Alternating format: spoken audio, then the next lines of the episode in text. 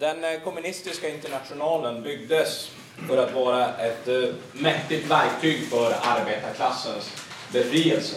Och på sin tid så bestod den av masspartier som räknade miljoner medlemmar.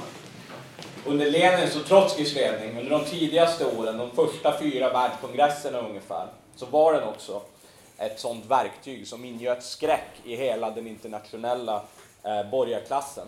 Det var en marxistisk international som stod öppet på ett program för världsrevolution. Och den här internationalen bildades 1919 och existerade i 25 år. Det är framförallt dess tidiga historia och tillkomst som vi är intresserade av här. Eh, men dess historia är ju knuten till Sovjetunionens historia och Sovjetunionens senare stalinistiska urartning som vi diskuterade eh, igår ledde till eh, att den kommunistiska internationalen till sist lades ner. Så jag kommer att förklara den kommunistiska internationalens historia, för det är de traditionerna som vi baserar oss på idag. Den kommunistiska internationalen är rik egentligen på eh, lärdomar, erfarenhet, att läsa eh, dokument, att läsa eh, eh tal och annat ifrån det här. Det är en riktig marxistisk skattkammare eh, som finns för oss att upptäcka och använda idag. Eh, men inte minst så måste vi lära oss att förstå hur den kommunistiska internationalen kunde byggas. Eh, och man kan säga att den kommunistiska internationalen byggdes för att vara ett ledarskap för klassen. Och ledarskap innebär ju just det, att basera sig på erfarenheterna från tidigare eh, kamp och lära sig utav dem. Av misstag, av framgångar som revolutionärer gjort tidigare, så att man inte måste börja om från början eh, varje gång i kampen. Eh, och marxismen är ju inte bara en analysmetod för att förstå vad som händer i samhället, utan tjänar ett bestämt syfte. Nämligen att den ger oss en vägledning till handling. Den hjälper oss att utforma en effektiv kamp på grundval av en vetenskaplig förståelse av hur systemet fungerar. Och meningen med det är att förändra eh, samhället i grunden. Marx förklarar att arbetarklassen är den enda klass som kan utveckla ett socialistiskt medvetande. Till följd av sin ställning i produktionen så ser man på saker kollektivt eh, och man, man kan inte ens producera någonting individuellt, man kan bara göra det kollektivt. Så enskilda individer ur andra klasser kan komma till socialistiska slutsatser, men i sin stora massa så tenderar andra klasser att se på saker på ett annat sätt. Eh, men arbetarklassen som vi vet lär sig inte utav att studera historieböckerna. Man lär sig inte genom att sätta sig ner och läsa Hegel när man kommer hem från eh, jobbet, eller läsa Marx eller läsa Lenin för den sakens skull. Man har fullt upp med att klara sig och sköta det som är nödvändigt eh, i det här systemet. Och det betyder inte att arbetare är dumma på något sätt. Tvärtom så är arbetare väldigt intelligenta människor som faktiskt skapar alla rikedomar i det här samhället och uppvisar, särskilt i tider av revolution, prov på en oerhörd eh, eh, eh, förmåga till kreativt tänkande, till initiativ, till uppoffringar för en större sak och så vidare. Va? Men i kapitalismen så har man inte levnadsförhållandena som tillåter en att, att, att erövra alla de nödvändiga kunskaperna som behövs för att förändra samhället. Va? Eh, arbetarklassen lär sig framförallt av stora händelser och det är det här som är grunden till att man behöver, eh, att klassen behöver ett ledarskap. Alltså att det finns en del av klassen som på grund av eh, att de har gått igenom särskilda erfarenheter som inte alla har, tidigare har dragit revolutionära slutsatser, förstått behovet av att störta kapitalismen, skolat sig och slutit sig samman i en revolutionär organisation, dragit lärdomar utav den tidigare kampen och för ut de lärdomarna i klassen. Men varför behöver arbetarklassen just en international? Det här är ju ingenting som eh, vi eh, förespråkar av några sentimentala skäl för att det är schysst med kulturutbyten över länder eller sådär.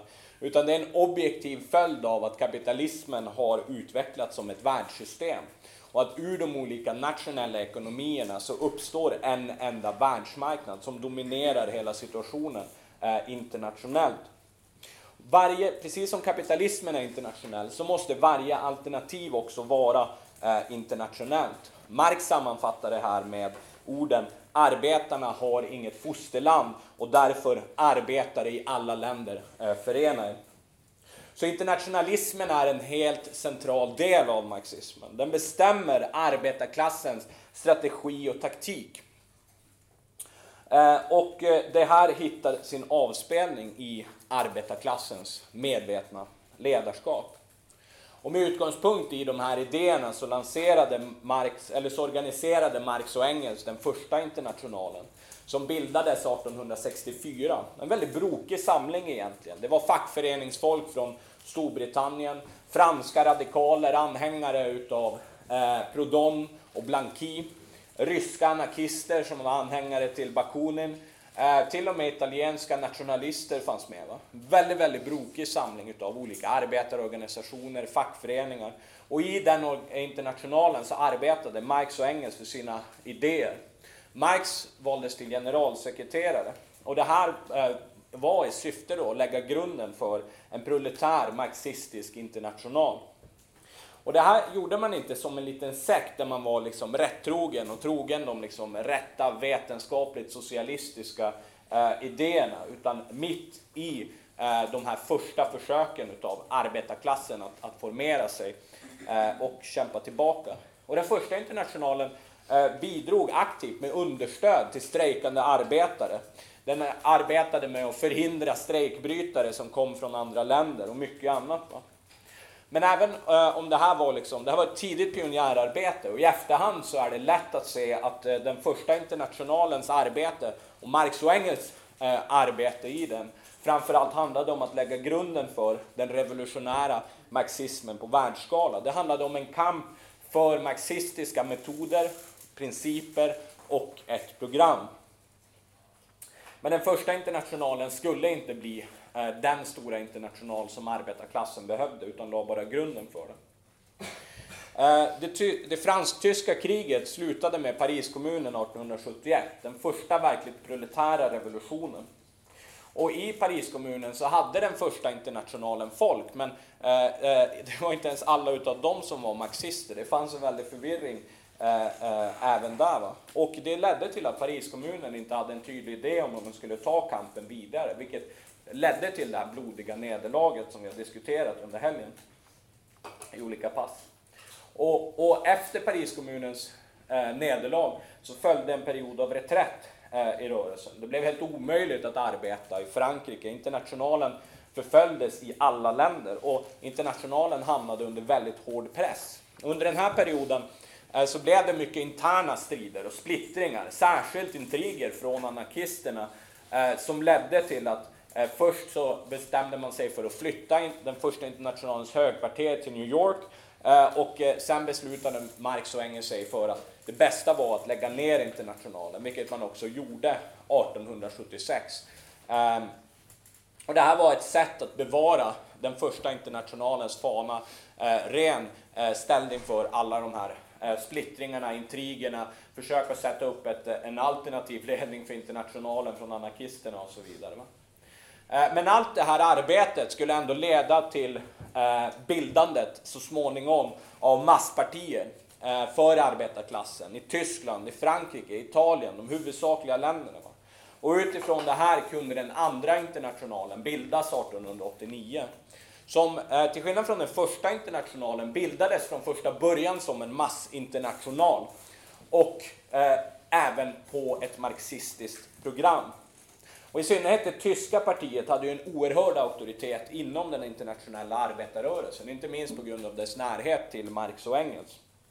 Ehm, men, men det här partiet byggdes ju upp under en period också eh, när arbetarklassen eh, eh, egentligen eh, började växa också i Tyskland. Va? Industrialiseringen i Tyskland under andra halvan av 1800-talet ledde till eh, också framväxten utav Eh, en arbetarklass och därigenom byggandet utav arbetarrörelsen. Och partiet växte eh, enormt mycket. Trots försök med repressiva lagar så växte partiet väldigt, väldigt mycket. Va? Det tyska partiet var ju särskilt viktigt, för det var det största partiet i den andra internationalen. År 1912 så hade det tyska socialdemokratiska partiet, som marxisterna kallade sig på den tiden, alla kallade sig socialdemokrater. De hade en miljon medlemmar, 15 000 heltidsanställda, tillgångar som var värda mer än 21 miljoner tyska mark, 90 dagstidningar, 62 tryckpressar, eh, mängder av olika tidskrifter, en socialistisk skola, eh, eh, eller en socialistisk nyhetsbyrå och sen en socialistisk folkskola då helt enkelt. Eh, röst, eh, det var 4,3 miljoner människor som röstade på dem. Och på den här grundvalen och på den andra internationalens arbete runt om i hela Europa så verkade ju på många sätt den socialistiska revolutionens framtid vara eh, ganska säker på grundval av en gradvis utveckling utav eh, den andra internationalen och kommande eh, revolutionära rörelser och så. Vem skulle kunna stå emot en så väldig, en så mäktig international? Problemet var att den andra internationalen byggdes under en period av ett enormt uppsving för kapitalismen som varade ungefär från 1871 fram till 1912. Och det var, eh, det, det, var inte minst att imperialismen stärktes, det var en ökad plundring utav eh, kolonierna. Och det fanns de i arbetarrörelsen som började se att trots framgångarna i det organisatoriska bygget så hade det här myntet en, en baksida. Inte bara den här väldiga rörelsen bland arbetare, va? utan eh, i synnerhet bland topparna i den högsta ledningen för de här stora masspartierna så fanns det de som började inrätta sig allt för mycket i det kapitalistiska systemet, började skaffa sig en bekväm position. Eh, inte minst på grund av att det bara fanns en väldigt, väldigt stor heltidsapparat eh, som bestod av flera tusen redan på 1890-talet. Eh, men också för att man, man valde, vande sig vid eh, förhandlingar. Du hade parlamentariker som förhandlade med Liberalerna eh, och du hade liksom olika fackliga ledare som förhandlade med Eh, kapitalister på arbetsplatserna. Man vande sig vid att få igenom lite förbättringar. Va? Tack vare det här väldiga uppsvinget så mötte man inte på några, några, något hårt motstånd i alla fall. Det kunde ta lite tid men det gick ändå långsamt verkade det gå i rätt riktning. Um, och det här är ju faktiskt en period på 30-40 år vi pratar om. Det är det man får komma ihåg va? Uh, uh, utav, utav uppsving och utav kamp. Som eh, kanske inte är en så lång tid i liksom, den mänskliga historien, men i en människas liv så kan ju en så här lång period, eh, eh, det kan ju vara ett halvt liv egentligen. Va?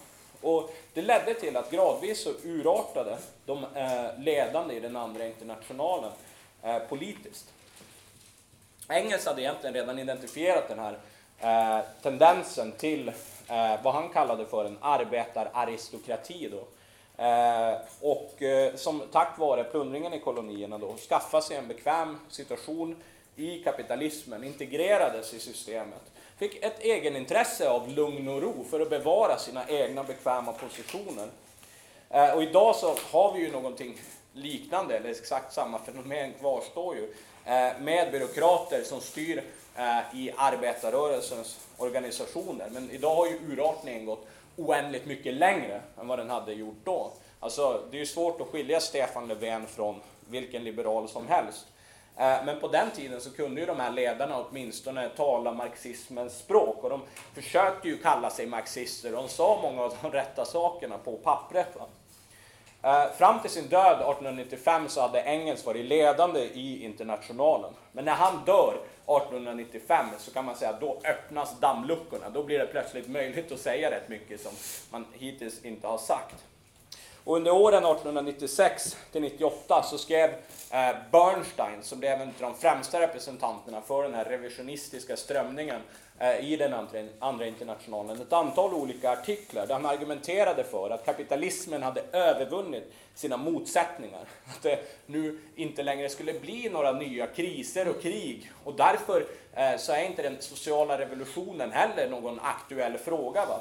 Eh, och han sammanfattade sin inställning då i det här uttalandet som, som är ganska berömt då. Rörelse, eh, målet är ingenting, det socialistiska slutmålet är ingenting. Eh, rörelsen är allt, målet är intet. Så. så prata inte om revolutionen, eh, utan, utan prata om de här stegvisa förbättringarna som är det enda som vi kan hoppas på och så, och så vidare. Men han, han sa att han var marxist, men han ville bara göra en liten, liten justering då och ta bort liksom kärnan i hela marxismen. Men han var fortfarande marxist. Eh, och sådär. Visst, Marx är ju bra, men vet, tiderna har ju förändrats och sådär. Det där är lite gamla idéer. Har ni hört det här förut? Eh, och Rosa Luxemburg skrev eh, en bok som heter Reform eller revolution för att besvara de här frågorna. Eh, och den tycker jag att alltså, alla kamrater bör läsa eftersom det är ett utmärkt svar på varför reformismen är helt otillräcklig, varför vi behöver en revolution och så vidare. Men i det tyska socialdemokratiska partiet så var Rosa Luxemburg ganska ensam om att föra kampen mot Bernstein. Den andra internationalens ledare var inte så jäkla angelägna egentligen. Kautsky, som var, eh, sågs som liksom den, den stora teoretikern, va? han publicerade de här artiklarna i, i, i, olika teoretiska tidskrifter utan någon särskild kommentar. Va? Ehm, och det visar ju på, eh, på ett sätt redan då den tydliga degenereringen. Va? Man, man ansåg inte att det var värt att käbbla om det här med revolution och så mycket. Och man var sur på Bernstein. Det var inte så mycket för att han liksom hade övergett marxismen och försökte revidera den fullständigt. Utan mer för att han liksom, eh, väckte en massa, ställde en massa frågor som kunde orsaka splittring på, liksom, i partiet. Och det kommer bli en massa oro och sådär. Låt oss bara bygga organisationen i lugn och ro. Va? Så man har en väldigt mekanisk syn på partiet och prioriterade organisationens liksom, helt artificiella sammanhållning framför att ha eh, ett korrekt program för eh, revolution. Va? Det vill säga man hade absolut inte en revolutionär inställning till saken utan man hade en väldigt eh, småborgerlig inställning. Va? Sitt still i båten här, skapa inte för mycket oro, låt oss bygga liksom. Det, det avslöjar att man i praktiken hade gått över på, på, på Eh, reformismens program. Det är väldigt lätt att konstatera så här i efterhand. Eh, men man hade inte så stora problem med Bernsteins åsikter som sådana. Eh, nästa stora händelse egentligen efter Pariskommunen var den ryska revolutionen 1905 som också splittrade den marxistiska rörelsen i frågan om man ska stötta revolutionen eller om man inte skulle göra det. Va? Och allt som var levande i den gamla internationalen, i den andra internationalen, Eh, eh, stöttade revolutionen helhjärtat. Naturligtvis bolsjevikerna deltog aktivt i den. Eh, det gjorde även mensjevikerna, både Trotskij och Lenin det var ju aktiva deltagare, det var framförallt Trotskij. Men också Rosa Luxemburg åkte till Polen och deltog aktivt i, i, i revolutionen.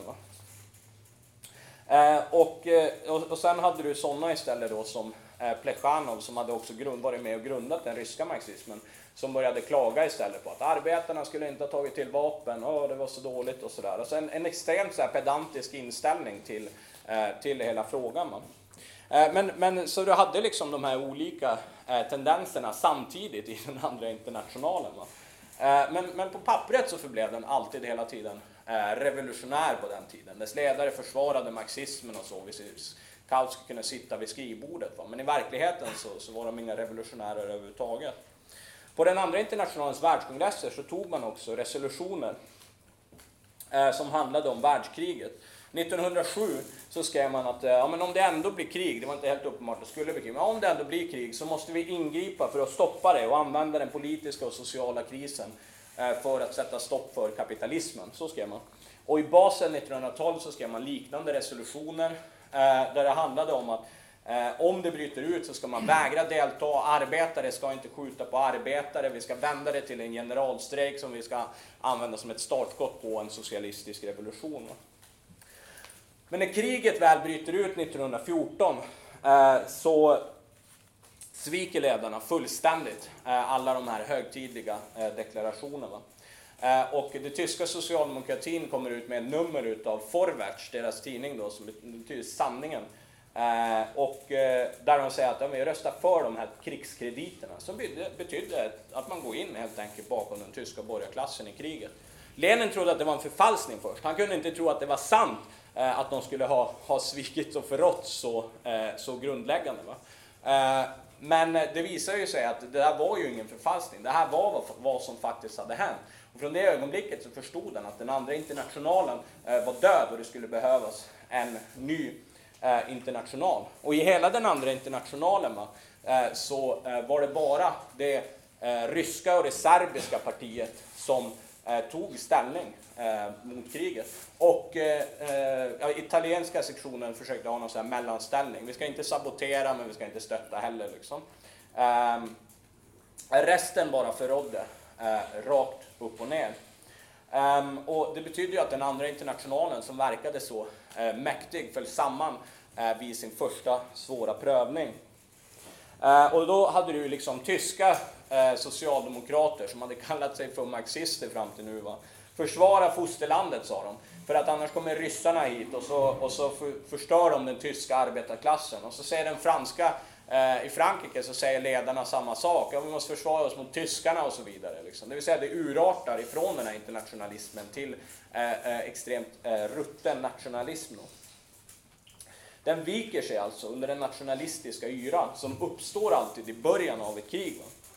Eh, och naturligtvis för vänstern i den andra internationalen som fortfarande fanns eh, hamnar ju också under en, en, en väldigt eh, hård press. Då. De blev väldigt isolerade. I små eh, grupper, små sekter eh, befann sig personer som Lenin, eh, Trotskij, Rosa Luxemburg, Karl Liebknecht, eh, eh, eh, James Connolly och många andra. Va? Och de stod emot den här väggen utav eh, nationalistisk propaganda, inte bara ifrån borgarklassen och de borgerliga medierna utan även från den, den här, de socialdemokratiska. Va?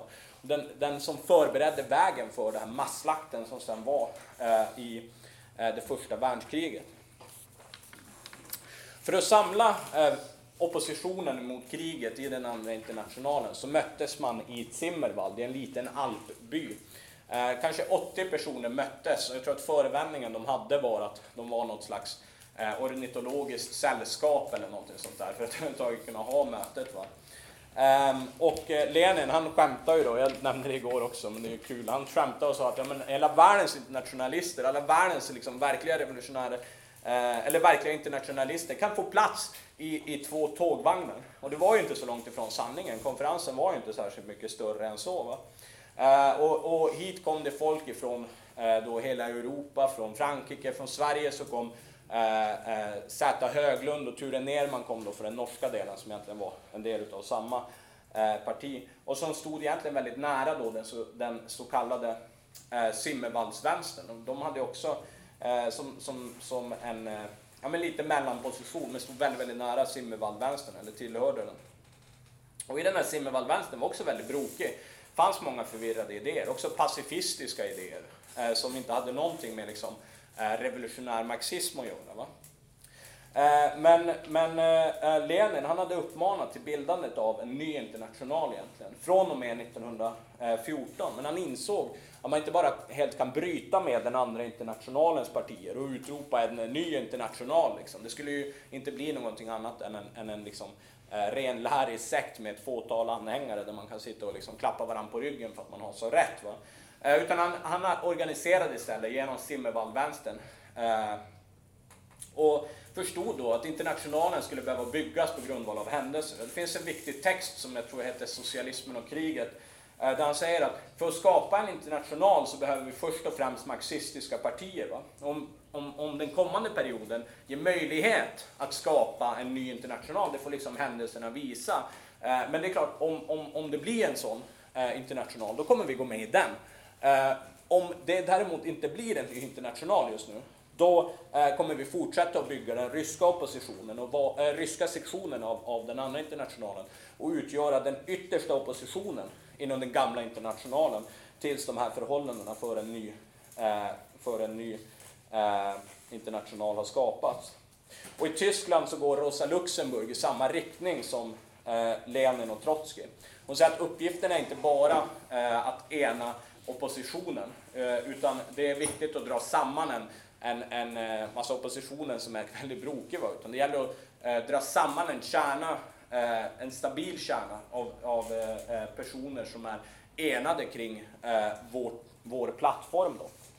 Och under kriget så bildas då Spartakusförbundet. Och som, som, som bildar en opposition i eh, SPD och sen bli uteslutna med 120 000 medlemmar. Eh, under den här perioden så skriver också Lenin boken Imperialismen, eh, som jag tror vi säljer här, som förklarar hur det är exploateringen av kolonierna som har skapat ett, priv eh, ett eh, privilegierat eh, lager, som har skapat de materiella basen för den här urartningen utav, utav internationalen. Men trots att man var så isolerade, va, så tack vare att man höll fast vid sina idéer, inte vek sig för pressen och fortsatte argumenten för kriget, va, så kunde man bara något år senare leda den ryska revolutionen till seger. Och det här var ju, första världskriget var också en mäktig drivkraft för revolution. Redan år 1915 så var det en fraternisering på julafton där soldaterna helt enkelt firade jul tillsammans. Eh, någonting som liksom generalstabben pressade, pressade tillbaka. Va? Men trots den här nationalistiska yran, trots att man höll på att döda varandra för det mesta, va, så fanns här, mitt i allt det här kaoset och blodbadet som det första världskriget eh, innebar, så fanns fröna till revolution eh, som växte i skyttegravarna om du så vill. Eh, och det var inte så tydligt för någon. Va? Eh, alla minns för, för, för Lenin som inte riktigt fram till januari 1917 inte trodde det skulle bli någon rysk eh, revolution. Men händelserna pressade massorna i en bestämd riktning, i riktning mot eh, revolution. Och igår så diskuterade vi ju den ryska revolutionen 1917, hur arbetarna med bolsjevikerna i spetsen kunde gripa makten. Um, och eh, det innebar ju, som vi också sa, att eh, eh, Lenin sa att det här betydde att kapitalismen brast i sin svagaste länk och inte i sin starkaste som Marx hade tänkt sig, vilket fick viktiga konsekvenser senare för internationalen. Den ryska eh, ekonomin var så underutvecklad att det var helt otänkbart att bygga någon socialism på den grundvalen. Så den ryska revolutionen kunde helt uppenbart inte vara slutet på Eh, på, på, på det hela, utan i förlängningen så kunde den bara leda till eh, en framgång om den blev gnistan för en våg av revolutioner som kunde eh, sprida sig eh, till andra länder. Så redan från början så såg man behovet av en revolutionär international, att man inte kunde stå ensamma. Och det gjorde man inte heller. Det första världskriget följdes av en våg av revolutionära händelser. Va? Eh, det, det, den spiken i kistan fullständigt före första världskriget var den tyska revolutionen 1918. Eh, och den började den 3 november bland, eh, med ett uppror bland matroserna i Kiel. Som, som först hissade röda flaggor på varje båt och sedan eh, åkte in, de slängde sina officerare över bord och sen så åkte de till, till sina kaserner, eller vad heter det, flottbaser och så hissade de röda fanor där, fraterniserade med arbetarna, man gick ut till arbetarna och så uppmanade dem att ansluta sig. Va? Och över hela landet så spred sig eh, revolutionen som en löpeld. Va? Bara tre dagar senare så hade matros, soldat och arbetarråd makten i Hamburg, i Bremen, i Lübeck. Eh, den 7 och 8 november hade de makten i Dresden, Leipzig och andra städer. Och den 9 november så bildades arbetarråd eh, i Berlin. Och redan den 10 november, alltså en vecka senare bara, så hade de valt ett råd av folkkommissarier som i praktiken hade makten över hela landet. Och det var liksom, ja, spelet var över för den härskande klassen vid det här läget. Arbetarna hade makten. Eh, och det är klart att med de här händelserna så kände ju bolsjevikerna också att deras isolering var bruten. Lenin såg på många sätt den tyska revolutionen som viktigare än vad den ryska var. Och vid några tillfällen så sa han för att stötta den tyska revolutionen så måste den röda armén ställa upp 100 000 man och vara beredda att gå in för att hjälpa de tyska arbetarna och besegra sin egen stat. Va? Även eh, om det sker på bekostnad av, den, av den, eh, eh, vår revolution. Eh, men det kom aldrig så långt. Problemet var, som eh, som, eh, som eh, eh, eh, eh, man kan säga att arbetarna eh, rörde sig inte direkt till de här små grupperna utav revolutionära krafter. Utan problemet var att de hade ett väldigt, väldigt starkt ledarskap. Men det ledarskapet i form av det socialdemokratiska partiet var de här personerna. Va? Högerreformister som hade stöttat kriget och så vidare. Som, inte, som valdes in i det här eh, och blev majoritet i den här regeringen av folkkommissarier. Va? Men de kunde inte vänta på att lämna tillbaka makten till borgarklassen. Jag kommer inte ihåg om det var Noske eller Scheidemann som sa att han hatar revolution som pesten och sådär. Så de ställde bara in sig på att förråda revolutionen. Och eh, tillsammans med, eh, eh med generalstaben så började de konspirera då för att förleda, förråda och krossa eh, revolutionen. Och i eh, Först i december 1918 så kunde den tyska arbetarklassen bilda sitt eh, kommunistiska eh, parti. Egentligen två månader efter det att den tyska revolutionen hade börjat. Eh, och det här var egentligen problemet. Det fanns ingen som kunde ställa upp ett alternativ till eh, den här eh, högerreformistiska ledningen på riktigt. Det fanns eh, personer som Rosa Luxemburg och som Karl Liebknecht som hade en enorm personlig auktoritet, var mycket välkända, uppskattade talare. Karl Liebknecht såg som en hjälte inom stora delar av arbetarklassen. Va? Som hade fört fram revolutionära idéer, va? hade kritiserat sedan länge Kautskys och Bernsteins reformistiska idéer, eh, tagit kampen mot kriget och så vidare. Va? Men när det kommer till kritan så räcker det inte bara med enskilda personer med bra idéer. De hade ingen organisation omkring sig som kunde föra ut de idéerna till de bredare massorna. De hade inte byggt, som bolsjevikerna hade, en tendens inom den tyska arbetarrörelsen. De hade inte skolat några kadrer som kunde ingripa med rörelserna, äh, ingripa i rörelsen. De hade bara den här löst formerade gruppen med människor omkring sig, men det är helt otillräckligt. Va? Och mitt under en revolution så kan man inte improvisera fram ett sådant ledarskap som är skolat i marxistiska idéer, som kan arbeta på ett kollektivt sätt för att ge en ledning i kampen och som kan erbjuda ett alternativ till de här högerreformisterna. Eh, och det spelar liksom ingen roll, om du inte har byggt i förhand, det spelar ingen roll om du har en sån gigant som Rosa Luxemburg i ledningen för ditt parti om du inte har byggt en organisation. Eh, men det tyska kommunistpartiet bildades som sagt i december 1918. Och det var egentligen väldigt, väldigt eh, unga människor, oerfarna arbetare. Väldigt revolutionära och väldigt, väldigt ärliga men samtidigt unga och oerfarna. Eh, och tillsammans med den tyska generalstaben så inleds en väldigt hård och blodig repression. Det var riktiga strider i Berlin i januari. Åtminstone 2 3 tusen dödades, fler än 10 000 skadades. Eh, och eh, de mördade eh, Rosa Luxemburg och Karl Liebknecht då. Det var på direkt order av de högerreformistiska ledarna.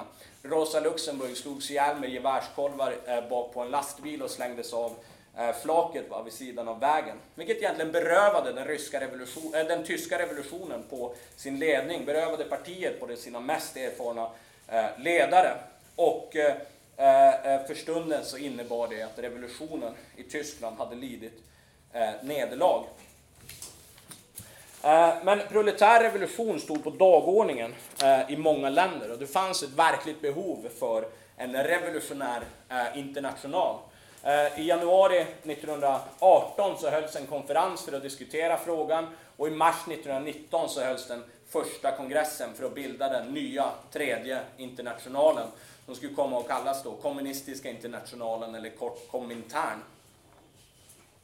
På den här första kongressen så var det 51 delegater från 21 länder eh, som deltog, framförallt små grupper.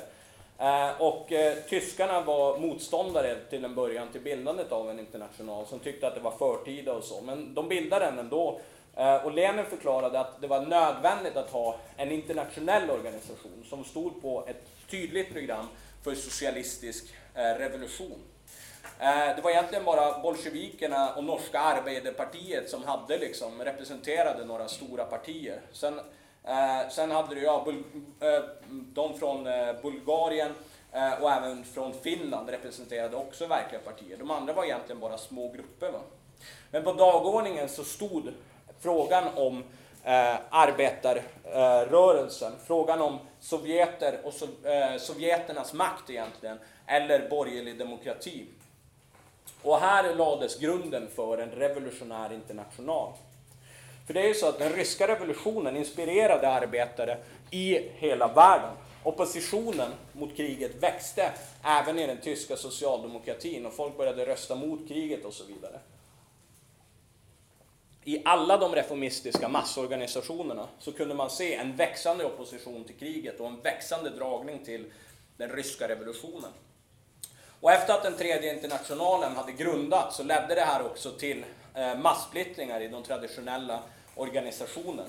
Eh, I de traditionella organisationerna, precis i frågan om, ska man stötta den ryska revolutionen? Alltså, ska man stötta sovjeterna mot den borgerliga demokratin och mot kapitalismen? Eller ska man det inte? Va?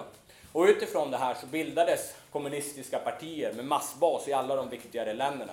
Tyskland, Italien, Frankrike, Norge, men även Bulgarien, Tjeckoslovakien eh, och andra länder. Va? Eh, år 1921 så hade de icke-ryska eh, partierna, alltså de partierna utanför Ryssland, hade totalt 1,2 miljoner medlemmar.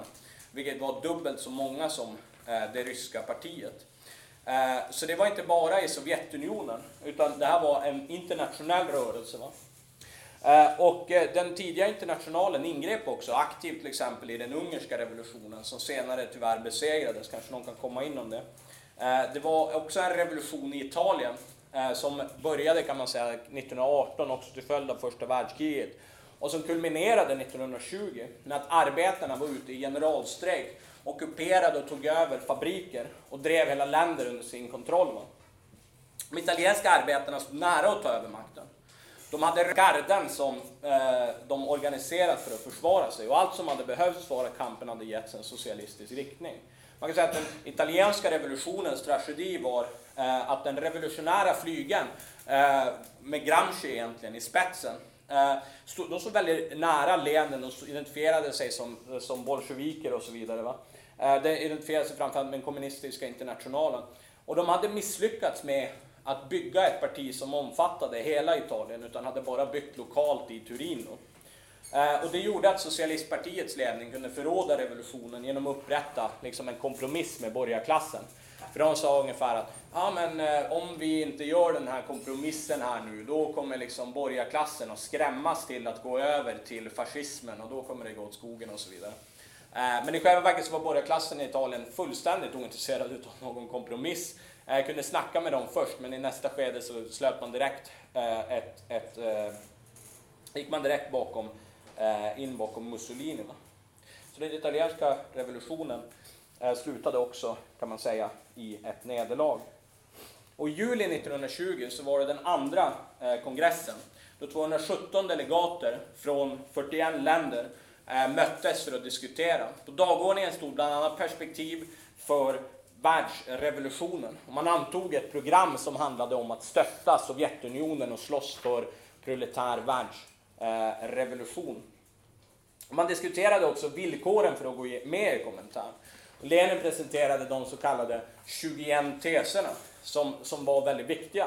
Och det var uppenbart att det fanns också centristiska strömningar. Centrism är eh, under revolutionära situationer, när det dyker upp eh, grupper, individer, eh, eh, till och med ledare som rör sig alltså i riktning från eh, reformism eh, i riktning mot revolutionär marxism. Det kan också vara åt andra hållet, man måste se vilken riktning centrismen rör sig. Men det är en mellanliggande position egentligen, som kan vara revolutionär i ord men reformistisk i praktiken. Va? Och det är väldigt vanligt att, eh, i revolutionära situationer att centristiska tendenser uppstår som rör sig i riktning mot revolutionära idéer. Och I synnerhet nu när Sovjetunionen hade en attraktionskraft inom massan så fanns det de ledare som såg att det var väldigt praktiskt att gå med i kommentaren. Man får liksom ett vänsteralibi och man kan liksom, eh, man, man, man vinner lite liksom popularitet och stöd. Man får liksom cred för, eh, som, man kan, som man kan dela med sig av. Men Eh, eh, Lenin var väldigt skarp emot det här och sa att vi kan inte ta in några kända reformister eh, in i den kommunistiska internationalen. Och därför förde man fram det här, eh, de här teserna. Och där så sa man att det här är en kommunistisk international. Man slängde ut den här smutsiga fanan, man kallar sig socialdemokrat. Vi är kommunistisk international Eh, och ska man vara med så ska man heta det kommunistiska partiet, så Sveriges kommunistiska parti och så vidare, Frankrikes kommunistiska parti och så vidare. Va? Och man måste kämpa för proletär internationalism, någonting som är bindande inte bara för, de, eh, för partierna som sådana, utan också för eh, de individuella medlemmarna. Och det här var väldigt viktigt för att det fanns partier som Norska Arbeiderpartiet till exempel, som, vars majoritet hade gått med Eh, i Komintern och anslutit sig, men där det fortfarande fanns en stor minoritet som fortfarande var eh, reformister. Du hade också det franska kommunistpartiet där majoriteten gick med i Komintern medan minoriteten splittrade eh, och bildade ett socialistparti. Va? En annan sak som var väldigt viktig var att man sa att man ska stötta kampen i kolonierna Eh, för koloniernas befrielse. I synnerhet ska man göra det i de imperialistiska länderna. De imperialistiska länder som har kolonier, som förtrycker kolonier. Där har kommunistpartierna ett särskilt ansvar att stötta eh, koloniernas eh, befrielsekamp. Men vad som hände var under den här perioden då att den här revolutionära vågen som följde ledde till nederlag. Och där hade du, vi har pratat om Tyskland, kort om Italien, Ungern, Eh, men även eh, Finland, Sverige och så vidare, exempel som förtjänar att studeras. Och det gjorde liksom att frågan var inte omedelbart om att genomföra den socialistiska revolutionen. Eh, utan det handlade istället om att vinna massan. Och det som man etablerade då var egentligen, man la grunden för enhetsfrontspolitiken. Som handlade om att etablera en enhet i arbetarklassen kring bestämda mål, kring en bestämd kamp Eh, över partigränserna. Eh, och eh, det som, det som hade dragits då till den kommunistiska internationalen vid den här tidpunkten var egentligen främst unga människor. Så var det då, så det kanske alltid kommer vara så att det främst är unga som drar sig till revolutionära organisationer. Och de, de, de drogs till kommunismen bort från socialdemokratin och deras förräderi. Alltså tänk i Tyskland hur man skulle se på saken om det var en ung revolutionärt sinnad arbetare. Och de här förbannade asen i socialdemokratin har mördat Rosa Luxemburg och Karl Liebknecht säger väl sig självt att det här får liksom en motreaktion också, att man liksom inte vill ha överhuvudtaget någonting med dem att göra. Va? Eh, och, och, och, efter det här nederlagen va, så kan det ju börja finnas också då en tendens till eh, otålighet. Va? Eh, nu när det har varit ett nederlag så måste vi hitta ett annat sätt att göra revolution. Va? Eh, vi har väntat så länge, liksom. det är, tre år har vi hållit på här nu. Liksom, tre år kan ju vara ganska länge i en ung människas liv, det är ju inte så lång tid egentligen kanske. Men, men vi har väntat tre år nu, vi måste göra någonting och sådär. Va? Eh, och Lenin skrev en bok som skulle besvara det här, som hette, eh, ja, på svenska det finns två översättningar, Radikalismen, kommunismens barnsjukdom, eller en bättre översättning tycker jag då, eh, vänsterkommunismen, en barnsjukdom då. Med vänster inom citationstecken. Va?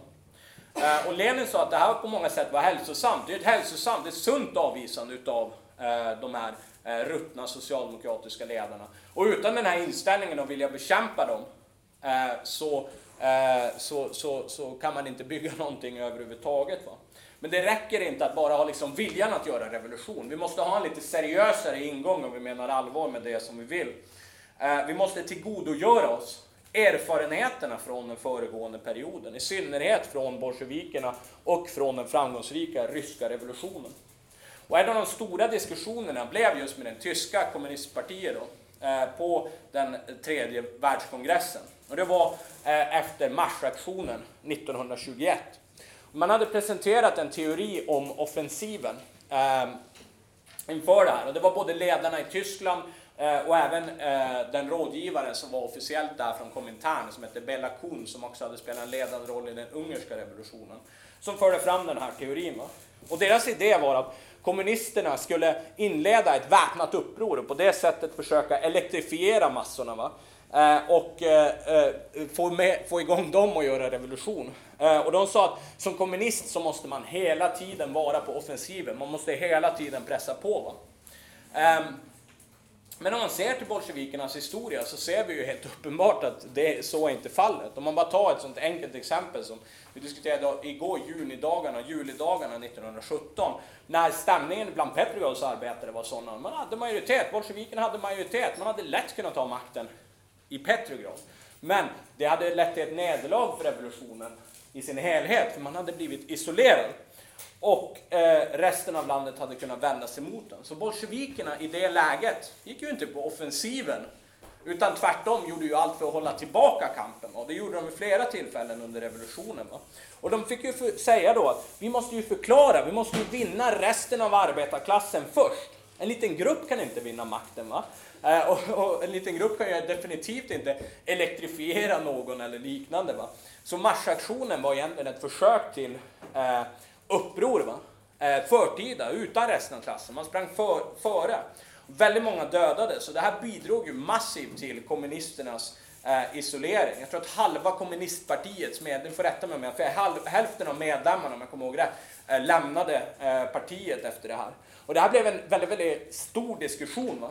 Eh, om hur man ska förhålla sig. Man var väldigt nära eh, en splittring Eh, eh, också. Och Lenin han sa att jag ställer mig till höger i den kommunistiska internationalen i förhållande till Eh, till det här. Han sa till och med att eh, jag, jag, är redo att eh, splittra den kommunistiska internationalen om det är så att det här eh, är den linje som, eh, som antas.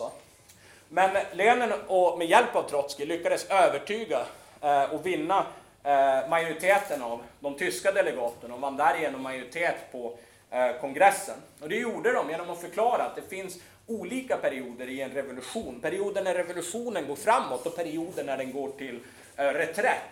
Och det är nödvändigt under perioder av reträtt att marxisterna, revolutionärerna, går med arbetarna på arbetsplatserna, i fabrikerna, i fackföreningarna och slåss tillsammans med dem för arbetarnas krav, med arbetarna och vinner över dem till eh, kommunismen, till marxismen på grundval av eh, sina förklaringar. Och den här kampen mot det som vi beskriver som ultravänsteristiska eh, eh, idéer slutade med paroller, eh, parollen Gå till massan, kämpa med massan va? och förklara idéerna. På den fjärde, enhets, eh, fjärde världskongressen, nu börjar jag få sluttid här, men eh, på den fjärde världskongressen eh, så bekräftade man återigen eh, enhetsfrontspolitiken. Det här var strax innan en ny revolutionär våg eh, i Tyskland.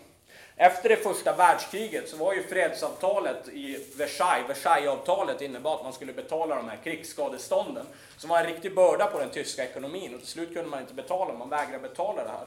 Var på Frankrike invaderade Ruhrområdet eh, som ju var liksom den, den, industriella hjärtat kan man säga i hela den tyska ekonomin. Så den tyska ekonomin rasar eh, fullständigt och det leder till hyperinflation.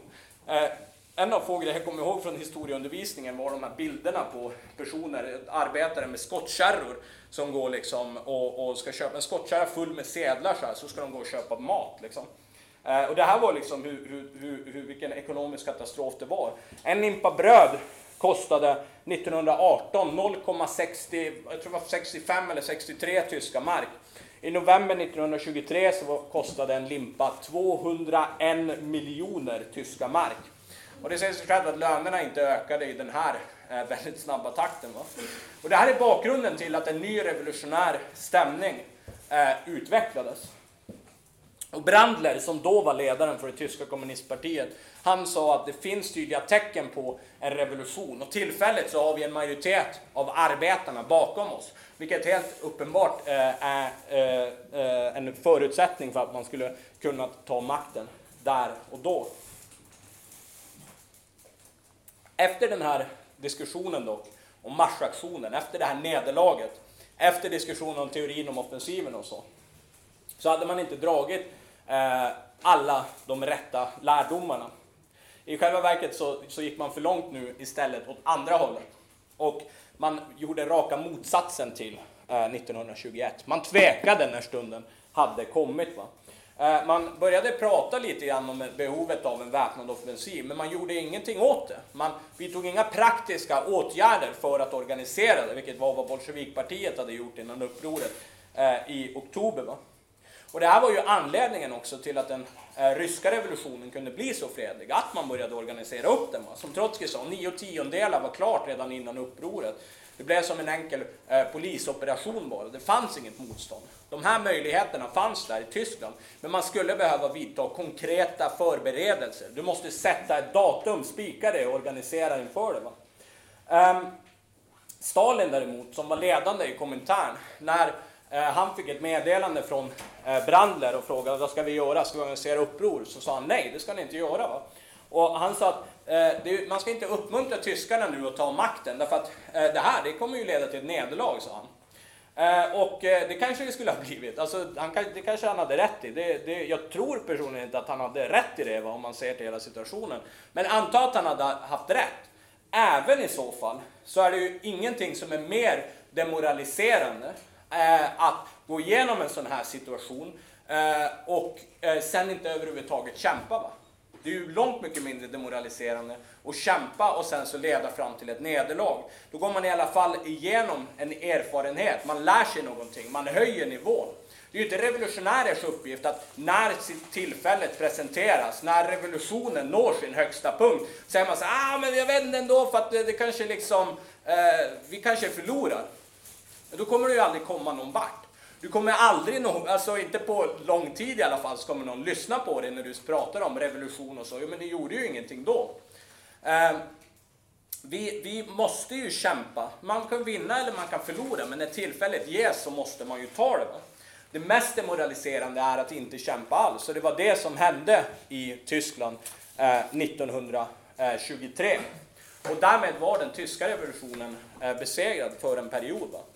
Ehm, så en revolutionär situation består ju inte bara av de här objektiva krafterna, en, en, en, en, en eh, eh, massorna som är ute på gatan, utan det, det, finns också ett element i det slutskede av ett praktiskt organiserande. Va? Eh, frågan handlar ju inte bara om en generalstrejk. En Generalstrejk kan ju vara väldigt mäktig, så här, men vi strejkar allihopa tills vi får igenom det vi, det, vi, det vi vill. Men det är också en väldigt defensiv fråga, för vad det handlar om är ju att upprätta arbetarnas makt inne på arbetarplatsen. Arbetsplatsen, att se till att, att, att, eh, ta över makten helt och hållet, att organisera arbetarnas stat. Va? Eh, man, man måste ju göra det då. Och det här var, Trotskij betonade det här i en pamflett som eh, är extremt viktig, som heter Lärdomar av eh, oktober. Och han sa att en revolution pågår inte för evigt. Ibland kan det vara fråga om veckor eller dagar när allting avgörs, när allting kommer till sin högsta eh, punkt. Och om det revolutionära ledarskapet tvekar i det här så kan tillfället lida en eh, ur händerna. Man kan inte vänta när det erbjuds, man kan inte skjuta upp dagen eh, och så vidare. Ehm, det här är liksom en, en kort sammanfattning utav eh, ett helt otroligt stort ämne som det finns hur mycket som helst uppenbarligen mer att säga om. Att kunna gå mer än ytligt igenom alla de här olika revolutionerna. Eh, men vi pratade igår om den stalinistiska urartningen i Sovjetunionen och hur hoppet skulle ha funnits i den internationella eh, revolutionen. Du hade kombinationen av de här olika faktorerna. Den extrema fattigdomen, inbördeskriget, alla revolutioner som arbetarna såg eh, och som misslyckades. Va? Och när, efter att Lenin hade dött i januari 1924, han hade sett den här byråkratiska tendensen som började krypa sig in i det sovjetiska samhällets alla porer va? och även in i Bolsjevikpartiet. Och det fick sin återspegling även då i den kommunistiska internationalen. Va? Eh, och det började eh, med egentligen eh, Grigorij Sinovjev då. Eh, därifrån har vi ett ord som heter sinovjevism. Eh, som betyder helt enkelt att istället för att eh, ta politiska diskussioner på Lenins och Trotskijs tid, även om du hade stora, alltså helt enorma, grundläggande, avgrundsdjupa skillnader, va? som Lenin sa, vi splittrar Komintern på grundval av de skillnaderna, så var det inte så att han började utesluta någon. Det var inte så att han tog till några administrativa åtgärder. Lenin satte sig ner och han summerade sina eh, argument i en eh, bok eh, och försökte övertyga med kraften, styrkan i sina idéer och sina argument. En alltigenom demokratisk. Och det är så Bolsjevikpartiet också fungerade genom hela sin historia. Va? Men nu börjar någon, andra metoder att börja dyka upp. Eh, Gramsci, han sattes till makten i Italien efter en manöver. Det fanns en ultravänsterist som hette Bodiga som knuffades åt sidan eh, uppifrån. Trots att Bodiga egentligen hade en majoritet eh, av Eh, partiet bakom sig. Och det är väldigt lätt att konstatera. Självklart hade ju Gramsci eh, 100% rätt gentemot Bodiga. Bodiga var liksom en, alltså, ja, vad ska man säga? Man kan inte kanske eh, ja, men han, han, hade fel helt enkelt. Han var en ultravänsterist. Det, det räcker att säga så. Eh, och visst fan hade väl Gramsci en oändligt mycket bättre politik. Men vad har det italienska kommunistpartiets medlemmar lärt sig av att nu har Komintern bestämt att eh, Bodiga inte får vara ledare, nu ska Gramsci vara det istället.